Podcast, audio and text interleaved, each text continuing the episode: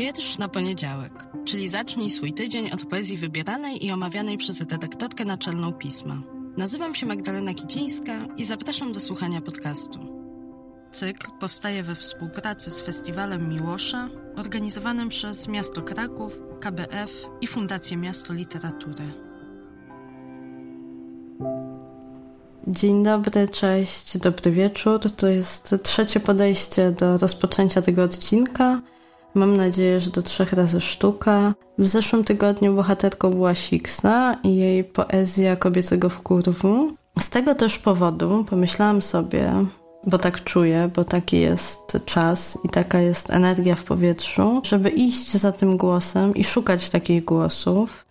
Dlatego też bohaterką tego odcinka jest izraelska poetka Agi Mishol, która jest laureatką Nagrody Herberta z 2019 roku. I o której poezji możecie też przeczytać w listopadowym numerze w tekście Wolne Miasto Wiersz, którego autorką jest Krystyna Dąbrowska, świetna, ważna poetka, gościni poetyckich łamów pisma, laureatka trzeciej rezydencji literackiej, która mam nadzieję mimo obostrzeń, trudności i sytuacji, która jest bardzo dynamiczna i bardzo trudna, odbędzie się i Krystyna Dąbrowska będzie mogła pobyć w innym miejscu, w innym kontekście i tworzyć, albo zrobić sobie przestrzeń, która się zapełni w innym czasie poezją, bo po to jest ten program rezydencyjny. Zresztą rozmawialiśmy tutaj w tym podcaście z kilkoma poetami i poetkami, którzy w różne miejsca wyjeżdżają po to, żeby zrobić sobie w głowie miejsce na nowe. Więc tego życzę Krystynie Dąbrowskiej, żeby mimo tych trudnych warunków kwarantanno-pandemiczno-epidemicznych, nie epidemiologicznych, udało jej się taką przestrzeń sobie stworzyć. A esej, który napisała,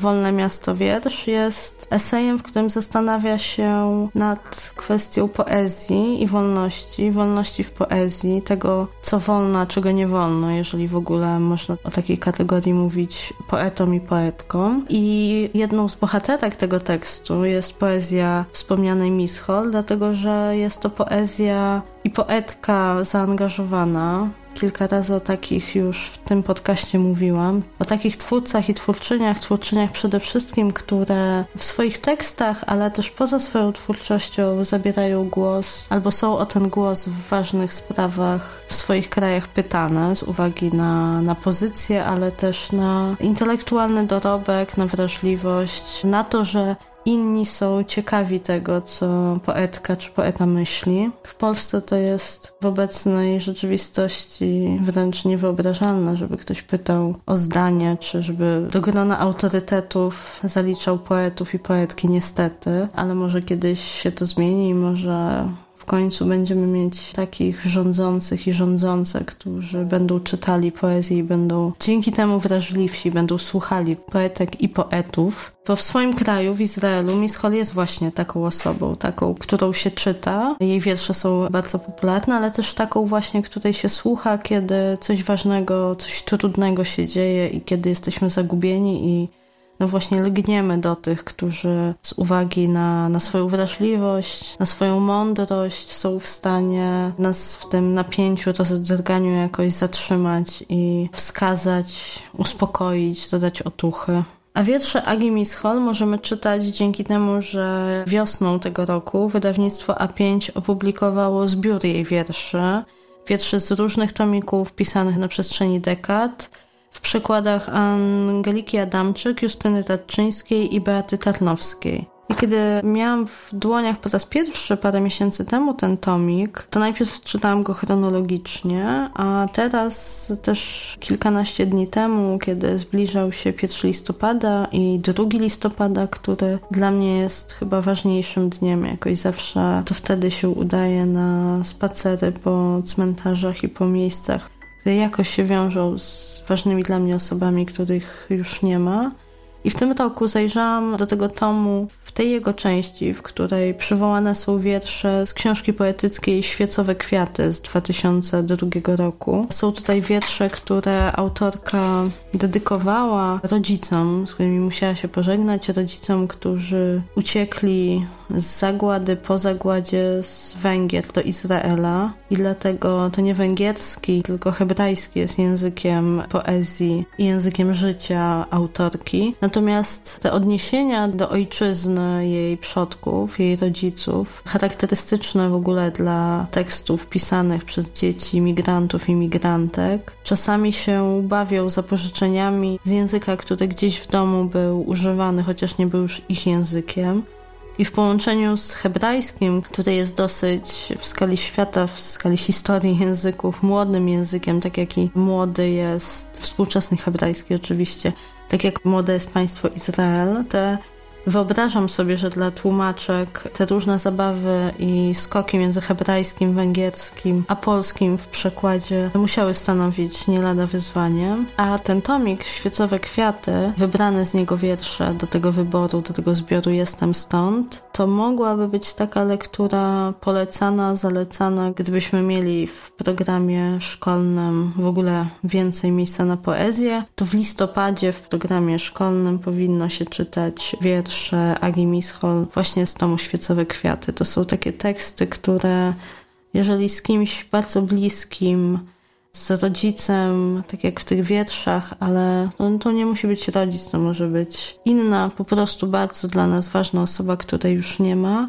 to ta żałoba, jej etapy, przechodzenie do używając języka dzisiejszej publicystyki, nowej normalności po stracie kogoś, kto był ważny w życiu. W tych wierszach jest. Z tego tomu chciałabym przeczytać wiersz podczas lektury, którego wydarzyło się to, co ja bardzo lubię w obcowaniu z literaturą w ogóle, niezależnie od tego, czy to jest proza, czy to jest poezja Czyli taki moment, w którym człowiek czytając odnajduje swoje doświadczenie i swoje emocje i też sytuacje, w których się znalazł, zapisane przez kogoś innego.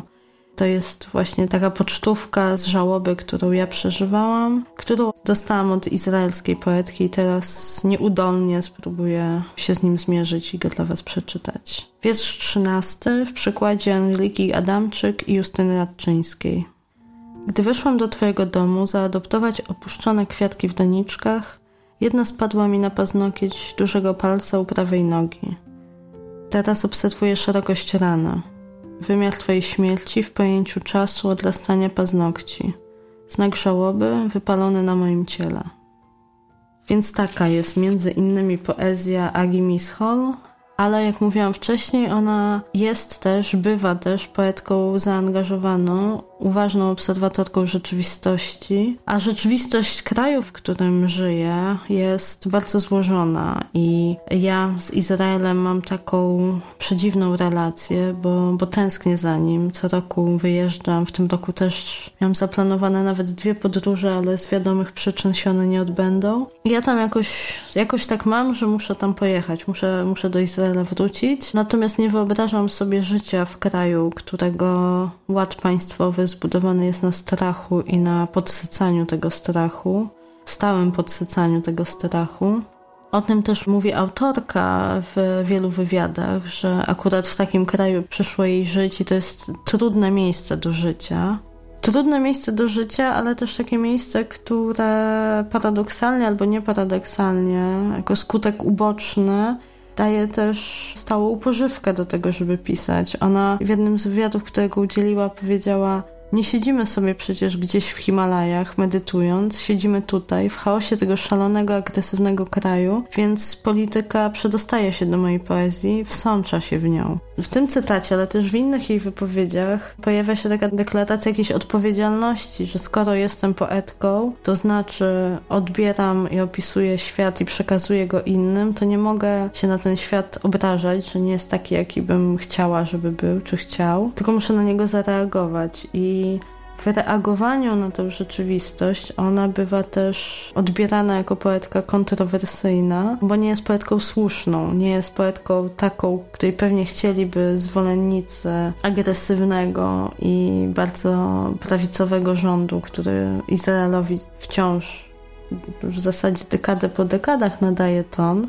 A Miss Hall jest taka niewygodna w tym, bo jest w stanie napisać wiersz, który opowiada o młodej zamachowczyni, samobójczyni zamachowczyni, empatyzując z nią, czyli robiąc coś, co na pierwszy rzut oka może bulwersować, nie jest oczywiste.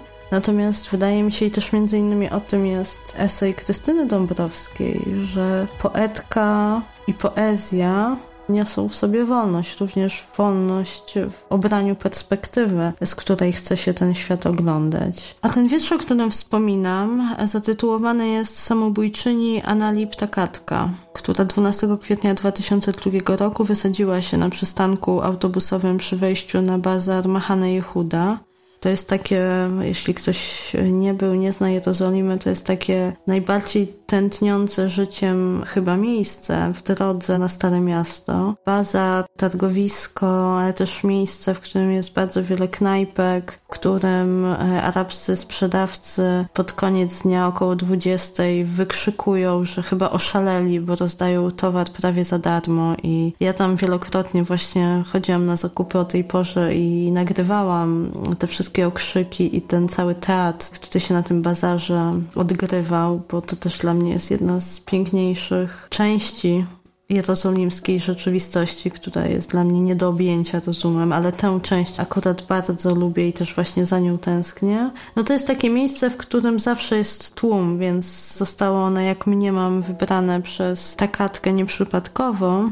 Natomiast, tak jak już powiedziałam, w tym wierszu poetka stara się zrozumieć, to może za dużo powiedziane, ale stara się sprawdzić, czy jest w stanie empatyzować z kimś, kto podjął tak dramatyczną, desperacką, niosącą poważne, przerażające skutki decyzję. W posłowiu tomu Jestem stąd autorstwa Edwarda Hirsza w przekładzie Piotra Tarczyńskiego znajdziemy cytat, w którym Mischol tłumaczy, że bezpośrednią inspiracją do napisania tego wiersza, do zmierzenia się z tą, z tą sytuacją, którą chciała napisać, było samo brzmienie takie onomatopeiczne nazwiska Takatka. Jej nazwisko brzmi jak tykanie bomby. Taka, taka, tik-tak. I dla mnie to też jest bardzo już tak abstrahując zupełnie od tematu i od samego wiersza, bardzo ciekawy moment, w którym można podejrzeć, co i w jaki sposób może zainspirować do stworzenia tekstu, że, że samo brzmienie nazwiska sprawiło, że autorka się na chwilę przy nim zatrzymała. A kiedy się już zatrzymała, to właśnie postanowiła, tak jak powiedziałam wcześniej, zmierzyć się ze zmianą perspektywy.